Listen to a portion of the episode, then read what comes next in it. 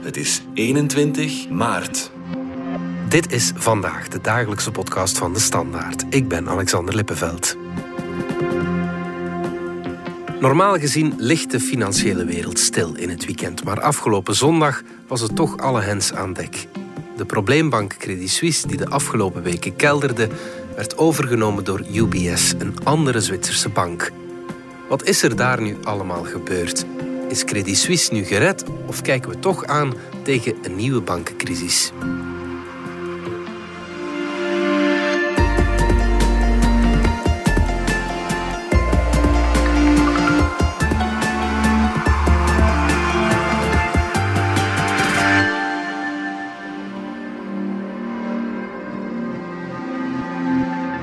Pascal de Nove van onze economieredactie. Het is een ingewikkeld verhaal hè, rond uh, Credit Suisse. Dus laten we eens beginnen bij het begin.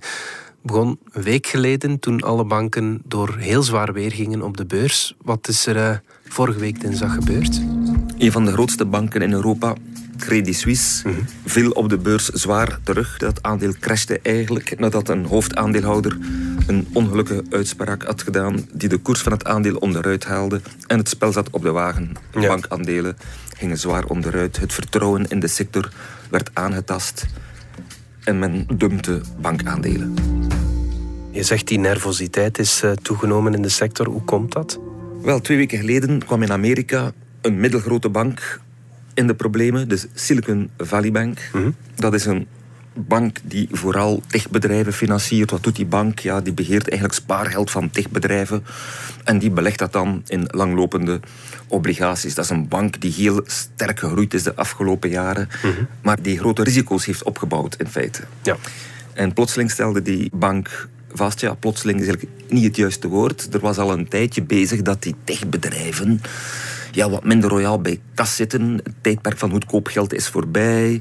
Het is eh, start-ups en zo financieren is wat moeilijker. Dus die grote deposito's die al die bedrijven er hadden bij de bank, ja, die vroegen die meer en meer op. Ja. En dan was er plotseling een van de godvaders van de tech-industrie, mhm. die al zijn bedrijven aanraden om hun geld bij die bank weg te halen. Oké, ja, ja. Dat is geen goed nieuws voor uh, een bank. Dus je kreeg daar zo, zeg maar een soort bankrun. Eh, die bank heeft nog geprobeerd zijn kapitaal te verhogen, is mislukt. Maar doordat te veel spaarders terzelfde tijd hun geld opvroegen, moest die bank, die op een grote portefeuille obligaties zat die weinig opbrachten, moesten die stukken gaan verkopen.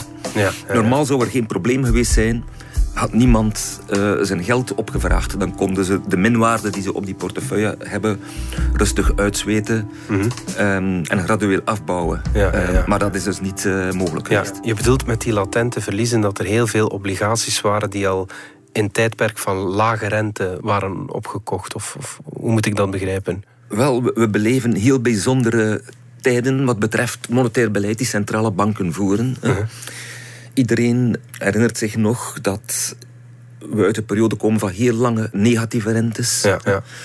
Totdat dan vorig jaar plotseling die inflatie zo omhoog ging en de centraal bankiers verplicht waren een einde te maken aan dat goedkoopgeldbeleid en die rentetarieven fors op te trekken. Ja. En dat heeft natuurlijk een groot probleem gecreëerd, want iedereen die de afgelopen acht à tien jaar obligaties heeft gekocht um, die nauwelijks iets opbrengen, mhm zit nu met grote minwaarden op die portefeuille.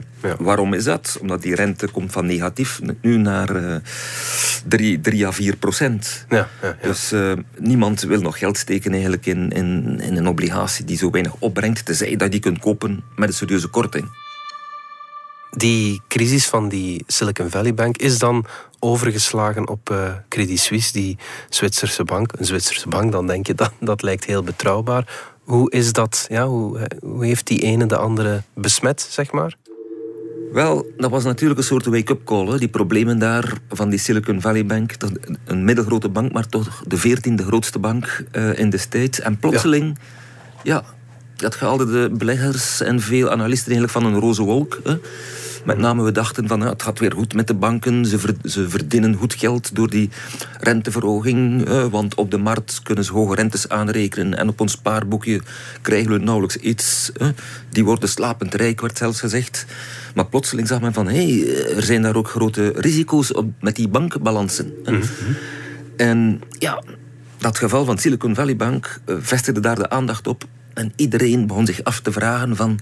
Ja, uh, zijn er nog andere banken die eventueel met problemen zitten? Waar zitten te verliezen? Het zorgde voor zenuwachtigheid. Mm -hmm. um, men vond niet direct in Europa veel voorbeelden van banken die in dezelfde situatie zitten als Silicon Valley Bank. Ja. Maar wat men natuurlijk wel had, was die Credit Suisse. Ja, ja. Die al ja, eigenlijk al jaren in de problemen zit. Die eigenlijk nooit volledig hersteld is van de klap die hij kreeg tijdens de financiële crisis. Mm -hmm. Een Credit Suisse die eigenlijk bleek de afgelopen jaren ja, in alle dossiers te zitten waar ze niet moesten inzitten. Ze hebben nauwelijks een schandaal gemist. The secretive world of Swiss banking. Credit Suisse is the bank that lost the most. Ties with criminals, including alleged human rights abusers and dictators. That it has been handling dirty money for decades. Biggest annual loss since the 2008 financial crisis. This drama literally includes spies. Dus eigenlijk een bank die al wat wankelde, ja. waar al veel geld was weggehaald door beleggers. En dan kreeg je dan als klap op de vuurpijl ja, twee ongelukkige evenementen. Hè. Op het moment dat de zenuwen strak gespannen staan, had je dan enerzijds die Amerikaanse toezichthouder. Mhm. Die bijkomende vraag stelt over de interne boekhouding. Oké, ja. Bovendien is daar de ongelukkige verklaring van de Saudische Nationale Bank, Centrale Bank, die zegt van we gaan niet nog geld steken in Credit Suisse. Hè. Dat is, die Saudis hebben in oktober vorig jaar, toen Credit Suisse, dat toen al onder de schandalen gebukt ging, extra kapitaal ophaalde, daar een belang van 9,9% genomen zijn. De, recent de grootste aandeelhouder eigenlijk geworden van die bank. En die verklaren daar doodleuk... We hebben tal van redenen om daar geen geld meer in te steken. Dat is een recept tot paniek natuurlijk. direct is die beurskoers toen onderuit gegaan. Ja, en, ja. en begonnen partijen bankaandelen te verkopen. Begon men te speculeren op mogelijke besmetting. Ja, ja, ja. Werd het vertrouwen eigenlijk wat onderuit gehaald, ja.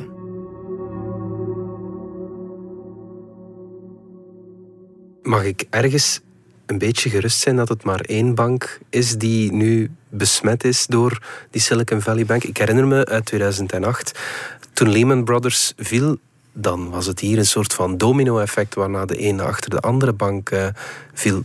Zijn we beter gewapend? We zijn vandaag ehm, zeker beter gewapend. Ehm, neem nu bijvoorbeeld Credit Suisse. Wat hebben we gezien? Dat eh, de Zwitserse Nationale Bank daar een kredietlijn eh, heeft gegeven. Heeft openlijke steun eh, uitgesproken en toegestopt. eh, om de situatie wat te helpen stabiliseren. Om ervoor te zorgen dat de markten kalmeren.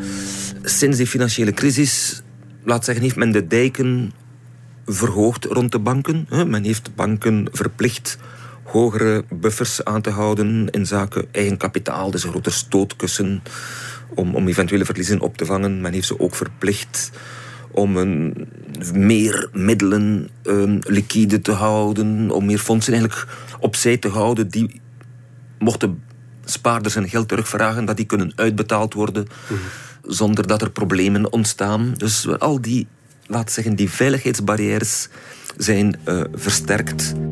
De voorzitter van de Europese Centrale Bank, Christine Lagarde, zegt ook dat de bankensector nu veel solider is dan in 2008.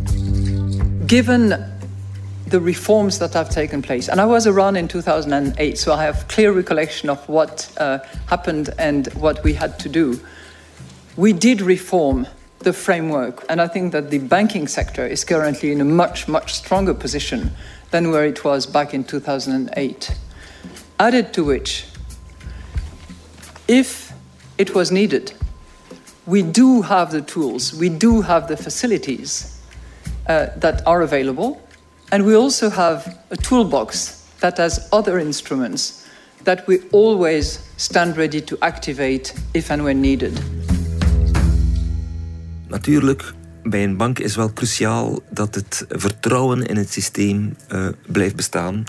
Want als iedereen terzelfde tijd zijn geld zou opvragen bij een bank, ja, dan, dan is er geen houden aan. Hè. Dan, tuurlijk dan gaan die, is er een dijkbreuk. En dat kan, ehm, dat kan enkel maar gestopt worden dan door, door overheidsinterventie. Dus oké, het, het systeem is veiliger, maar wil dat dan ook zeggen dat de belastingbetaler niet meer voor de bankencrisis zal moeten opdraaien zoals ja, 15 jaar geleden het geval was?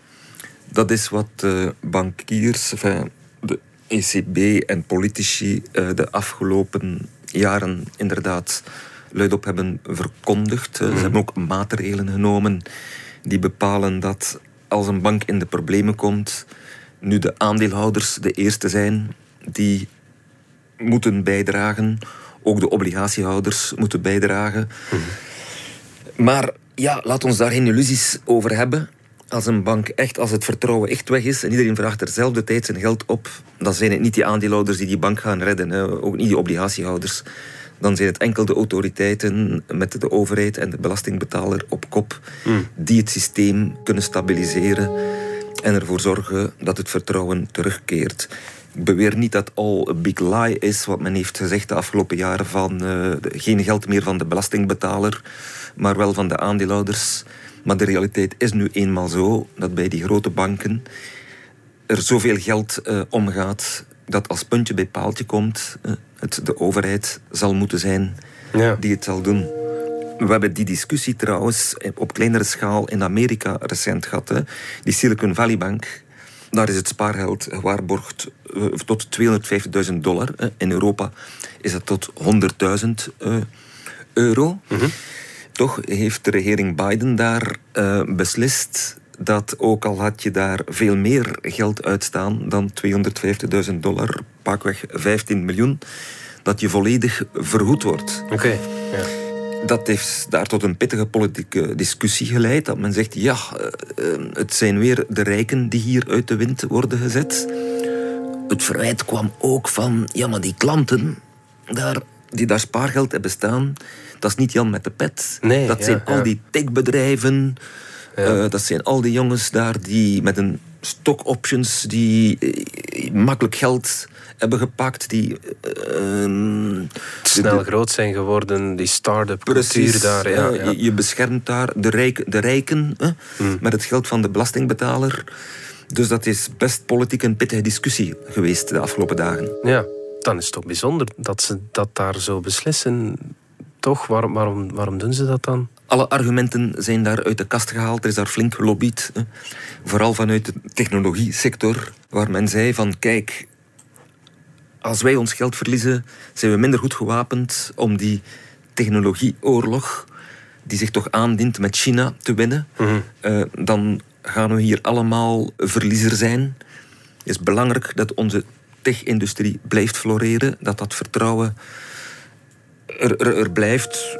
Het zijn argumenten onder andere waar de Biden-administration toch oren uh, heeft naar gehad. Het is wel weer geen leuke boodschap, Pascal, want dit gebeurt wel weer opnieuw. Ik dacht dat, dat we hier nu wel tegen gewapend waren. Ja, maar in de VS hebben ze toch een aantal fouten gemaakt die we hier in Europa voorlopig niet gemaakt hebben. Okay. Onder andere het toezicht op die middelgrote banken. Want als je ziet welke banken in de VS in de laatste weken onder vuur komen, ja, dat zijn uh, middelgrote banken, regionale banken. zijn typisch banken waar het toezicht die aanvankelijk na de financiële crisis was aangescherpt, striktere regelgeving, minder speelruimte voor die bankiers om gelijk wat te doen. Mm. Wel, men heeft dat weer een beetje gelost en afgebouwd. Mm. En ervan uitgegaan dat enkel de grote systeembanken onder die strikte controle moesten blijven fungeren. En dat het wat relaxer mocht zijn voor de middelgrote. Ja, dat hebben we in Europa niet gedaan. Mm. Dat debat, eh, Biden heeft al gezegd, dat hij opnieuw die regelgeving gaat aanscherpen die onder de regering Trump was afgebouwd.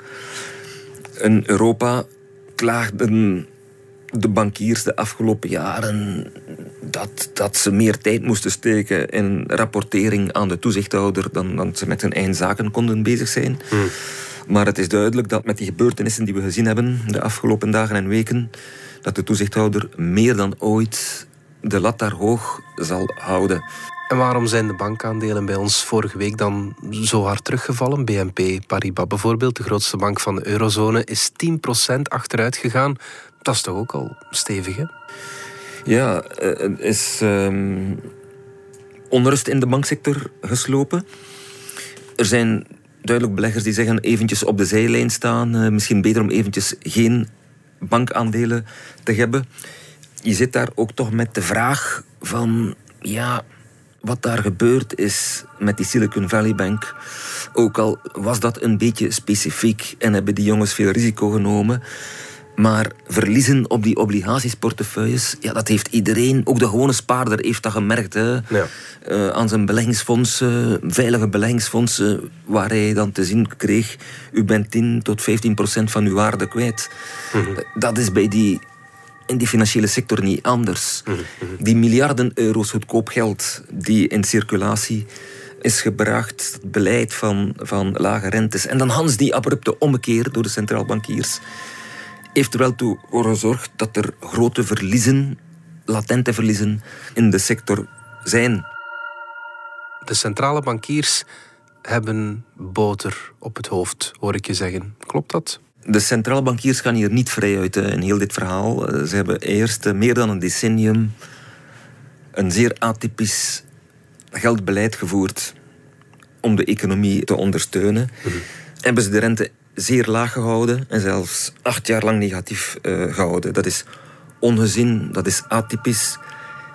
Veel critici zeggen van oké, als COVID, toen COVID losbrak, alle begrippen dat je dan enkele maanden die, die rente extreem laag houdt. Mm. Maar men heeft dat veel te lang gedaan. Er zijn duizenden miljarden obligaties uitgegeven aan een uh, zeer lage rente, zelfs een negatieve rente. Mm.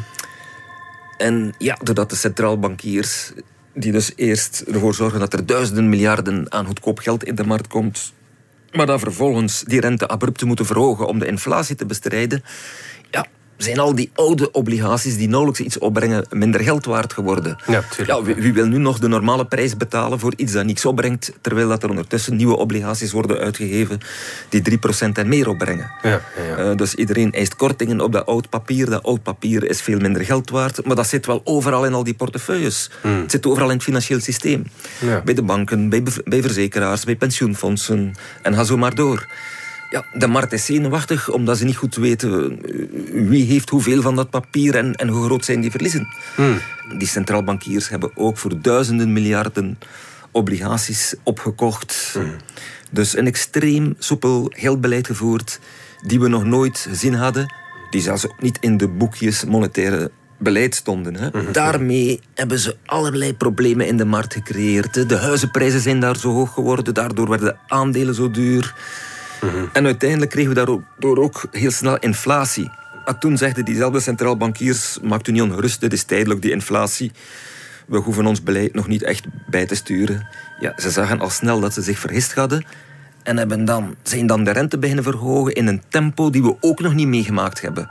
Ja, maar als je van het ene extreem in het ander vervalt, dan creëer je natuurlijk problemen in dat financieel systeem. Dan denken dat je rustig um, naar een nieuw evenwicht kunt komen, ja, is wat optimistisch. Ja. Het probleem van die centraal bankiers is dat ze enerzijds die economie hebben willen ondersteunen, behoeden voor die grote schokken. Mhm. En anderzijds dat ze ook toezichthouder zijn van het banksysteem.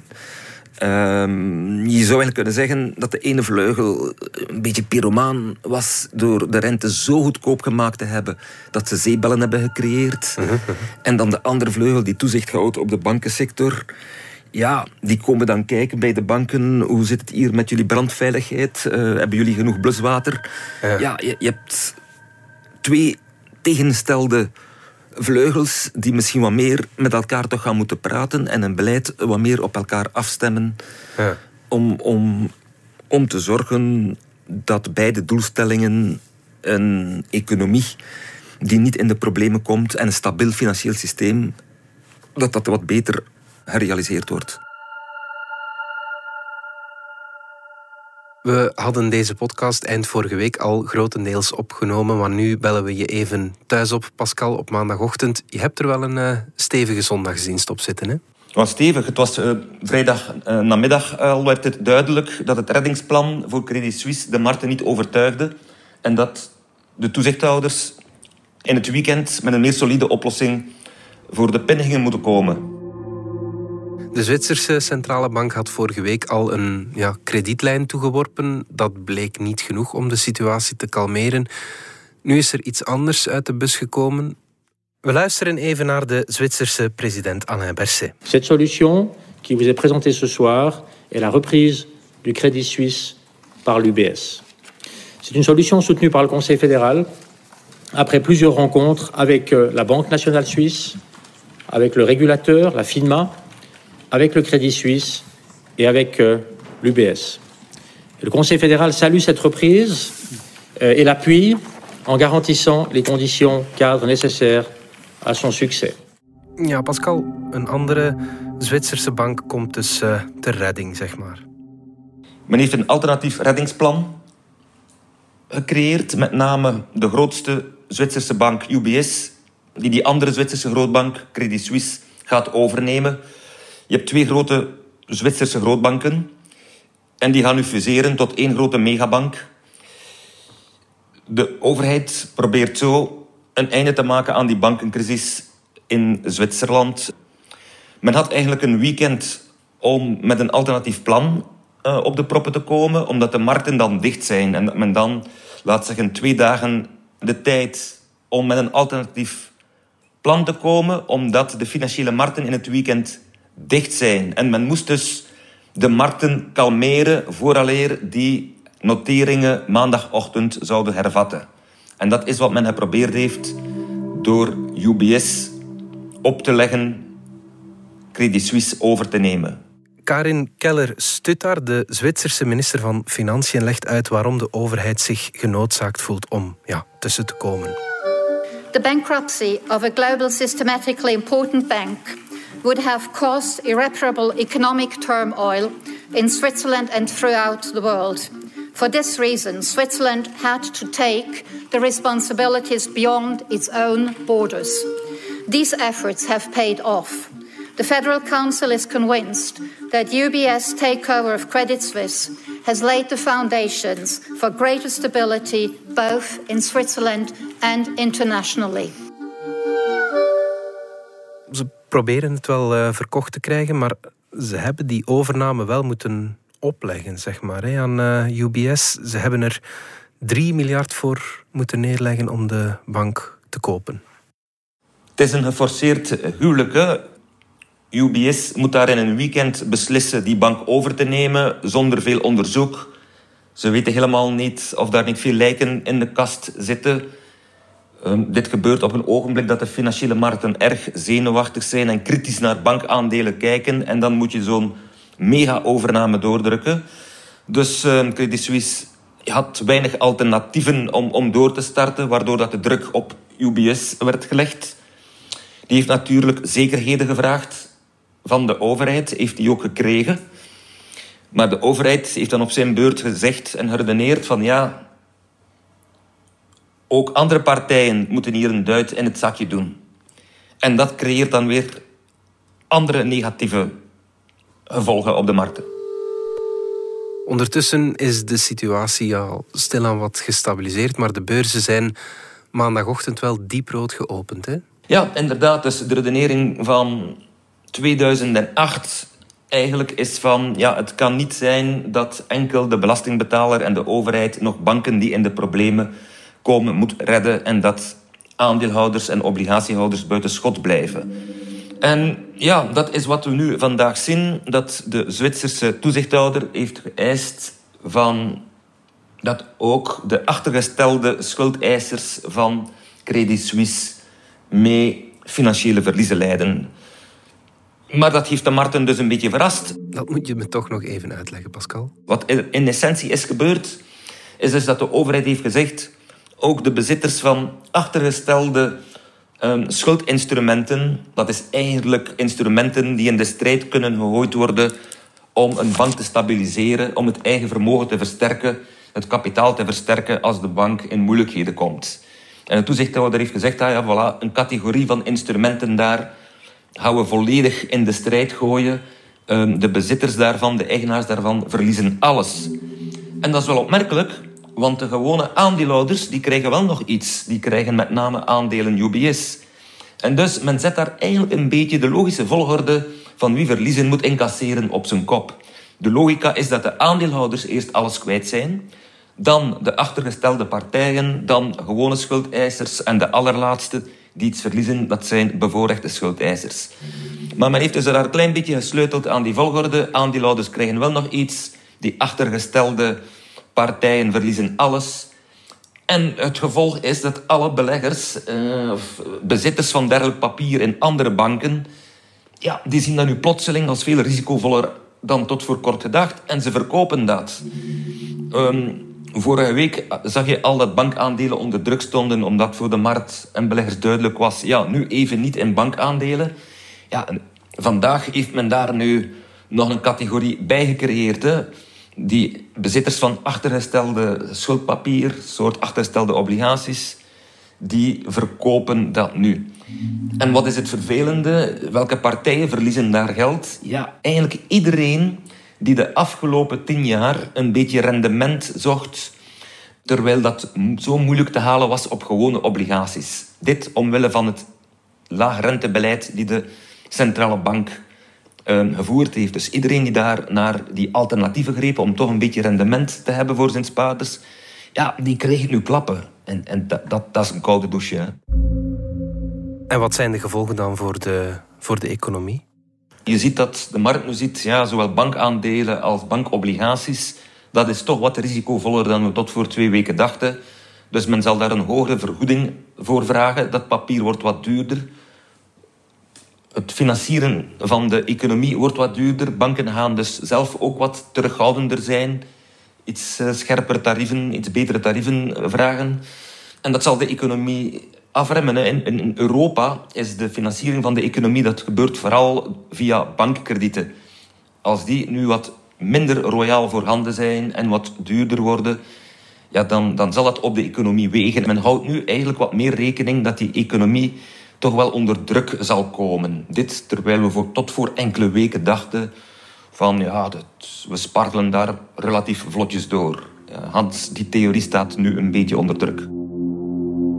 Tot slot, Pascal, verwacht je nog problemen zoals met de Silicon Valley Bank of uh, Credit Suisse? Ik denk dat we een sfeer gaan hebben dat het bepaalde dagen wat rustiger is. Kan eerst een paar weken wat stabiliseren.